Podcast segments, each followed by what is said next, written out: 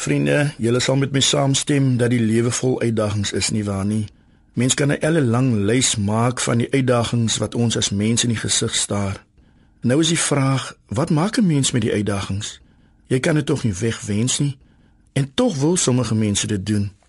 Jy ken die verhaal van Dawid en Goliat. Hierdie klein seentjie wat sien hoe sy volk met die reus worstel.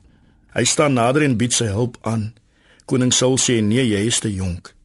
Dawid sê dus vir sy eie broer Eliab dat hy kan sien vir die reus.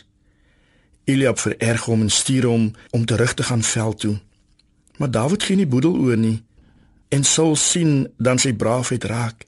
Saul gee Dawid 'n borsharnas en helm vir sy kop. Maar die dinge is te swaar vir so 'n klein mannetjie.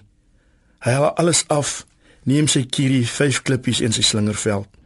Toe Goliat hom sien, kyk hy met minagting na Dawid en hy vra: "Is ek dan 'n hond dat jy met kieries na my kom?" En dan antwoord Dawid soos opgeteken in 1 Samuel 17 vers 45: Jy kom na my toe met 'n dolk en 'n spies en 'n swaard, maar ek kom na jou in die naam van die Here, die Almagtige. Wat Dawid hier doen, hy kyk sy probleme in die oë en hy handel direk daarmee. Hy verloor nie perspektief nie.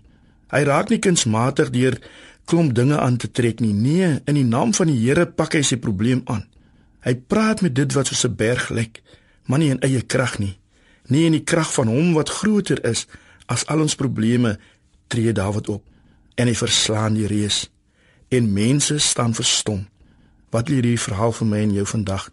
Ons wat met baie uitdagings en probleme te maak het en wat soms moedeloos raak ons moet vandag leer moenie op jou eie insigte staat maak nie maar ook moenie net oor jou probleme praat nie spreek jou uitdaging of probleem aan daardie hartseer wat jy beleef eensaamheid siekte wat jou nie wil los nie, sê vandag vir jou probleem, jy mag groot wees, maar my God is groter.